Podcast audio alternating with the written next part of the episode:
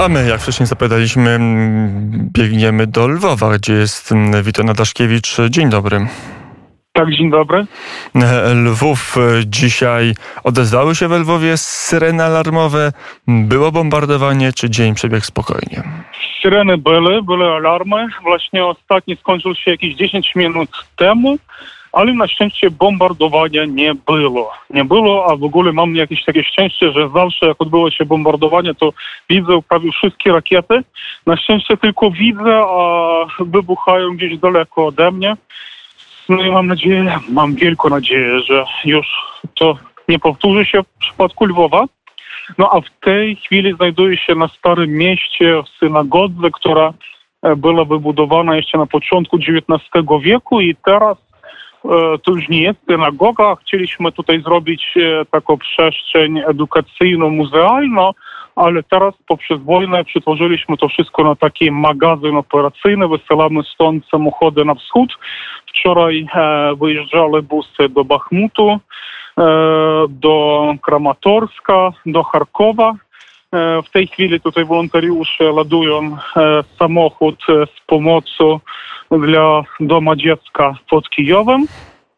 Też tutaj e, małżeństwo artystów z Charkowa, którzy ewakuowali się na początku wojny właśnie z tego miasta, które jest bardzo poszkodowane, po prostu można powiedzieć stoi w ruinach, e, robią e, właśnie takie artystyczne prezenty dla e, pomagaczy, darczyńców z Polski. I właśnie tutaj w tej chwili e, patrzę na taki piękny słonecznik, e, który robią dla Solectwa Bóg gminy Dobra z e, Pomorza Zachodniego. E, wiadomo, gdzie te jeszcze rakiety lecą, dokąd, co może być ich celem? No jest taka obawa, że teraz Rosja próbuje celować w szlaki komunikacyjne, a szczególnie węzle E, kolejowe tutaj na zachodniej Ukrainie, żeby utrudnić e, dostarczenie broni, amunicji na wschód dla wojska ukraińskiego. No ale z tego co rozumiem, to też e, siły obrony przeciwpowietrznej już mają doświadczenie i bronią się skuteczniej niż na początku wojny, bo pamiętamy, że w pierwsze dni wojny no to naprawdę Rosja chciała wywołać panikę i częściowo jej to się udawało, także atakowała jednocześnie e, tak e, infrastrukturę i transportową i militarną Ukrainy e, na całym terenie. Tak? W pierwszych dni mm, był zaatakowany i Lwów, i bazy wojenne pod Lwowem, i pod Ludzkiem, pod Stanisławowem, no ale, no, ale teraz już nie udaje się im. No i zresztą to już jakiś 54, tak, dzień wojny, także ten taki efekt zaskoczenia oczywiście już stracili.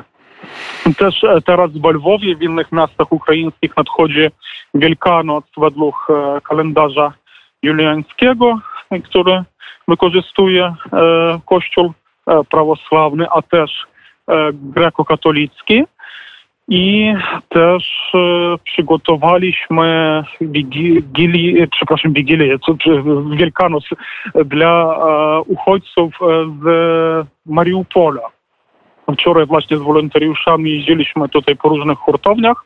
Kupiliśmy wszystko, co potrzebne dla wypieku tradycyjnych wielkanocnych babek, które tutaj na wschodzie nazywane paskami i teraz już trwa e, gotowanie pieczenia tych babek, a w niedzielę zamierzam właśnie pojechać i zobaczyć, jak w jednym z takich ośrodków będą gościć e, około setki uchodźców z Mariupola i każda z tych, każda z rodzin e, z Mariupola e, otrzyma swój e, koszyk wielkanocny. E, to jeszcze do świąt wrócimy, ale jest też temat polityczny, lokalny, ale o wymiarze polityki zagranicznej w Lwowie, nie tylko w Lwowie, zresztą o Lwowie teraz opowiemy. Rada Miejska, prezydent miasta chcą zmienić nazwy ulic. Jak to będzie wyglądać, które ulice i na jakie zostaną zmienione? No, czyli chociaż ten proces takiej dekomunizacji i derusyfikacji odbywa się w Lwowie jeszcze od początku lat 90. No i na samym początku lat 90. Lwów stracił na przykład swoją ulicę Lenina, swoją ulicę tam Marksa, Engelsa, innych komunistów, to jednak dość dużo nazwisk rosyjskich do tej pory możemy zobaczyć na tabliczkach z nazwami lwowskich ulic, jak na przykład ulica Giercena, Czajkowskiego i innych ruskich działaczy, no generalnie kultury, tak, bo raczej już takich jakichś politycznych to już nie znajdziemy. I właśnie znów powołano komisję do zmian nazw ulic, która kiedyś bardzo aktywnie działała w ostatnich latach, to już za dużo roboty nie miała. I moim zdaniem też e, należałoby zwrócić uwagę na stare historyczne nazwy ulic, e, które by właśnie moim zdaniem podkreślaliby na powrót do e, takiej ciągłości historycznej.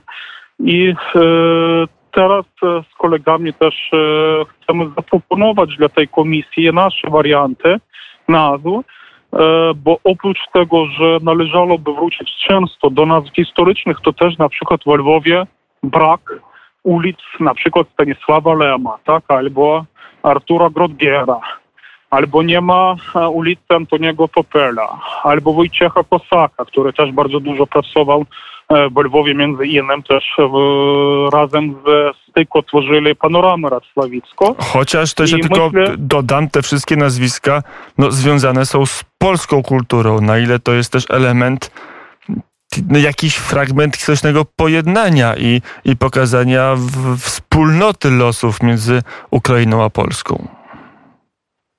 E, no tak, ale to osoby, którzy mieszkali w Lwowie, którzy pracowali w Lwowie, no i na przykład jak najbardziej. podzielić postać, e, jak na przykład Stanisława Lema, tak?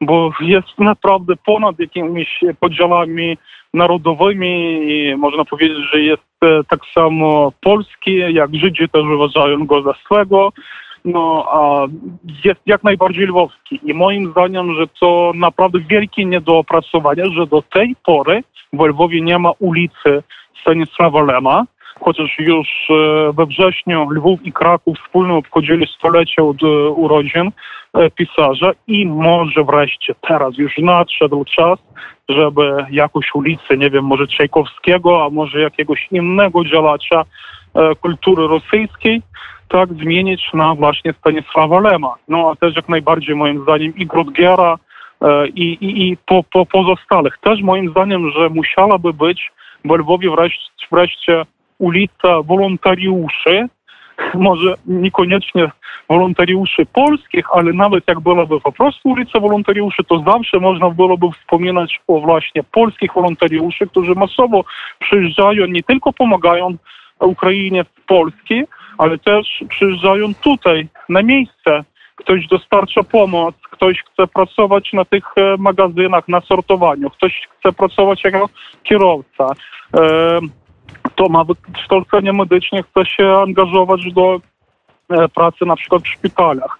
No i naprawdę mi się wydaje, że ta ulica wolontariuszy zawsze by przypominałaby też i o pomoc właśnie ochotników z Polski. Mm, to jeszcze mm, pytanie, wróćmy do tego przygotowania na święta w Lwowie.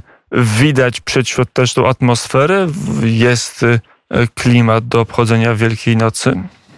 No, chyba nie za bardzo. Raczej to nie jest e, tak jak w zeszłych latach, dlatego że jednak taki klimat wojenny dominuje, no i niestety też dzisiaj, tak jak i w dniach poprzednich, odbywali się e, pogrzeby żołnierzy, którzy zginęli właśnie na wschodzie, także na razie jeszcze za bardzo tego klimatu nie widać. Oprócz tego zawsze w kościele prawosławnym grecko-katolickim przed Wielkanocą odbywają się bardzo długie e, nabożeństwa nocne. Tak? Te nabożeństwa mogą trwać po 6, po 7 godzin, zaczynają się przed północą, e, kończą się już e, na świcie.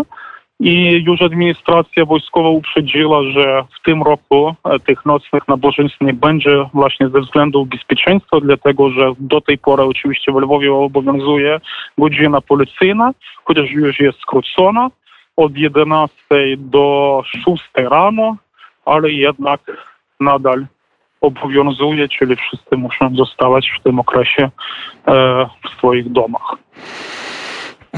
Powiedział na antenie Radia Wnet prosto z Lwowa Wito Nadaszkiewicz. Dziękujemy bardzo za tą relację i proszę się trzymać mimo wszystko dla Dziękuję, wszystkich, dla wszystkich wiernych cerkwi grekokatolickiej i, mm, i kościoła grekokatolickiego i cerkwi prawosławnej na nadchodzące święta Wielkiej Nocy. Wszystkiego najlepszego i do usłyszenia. Do usłyszenia.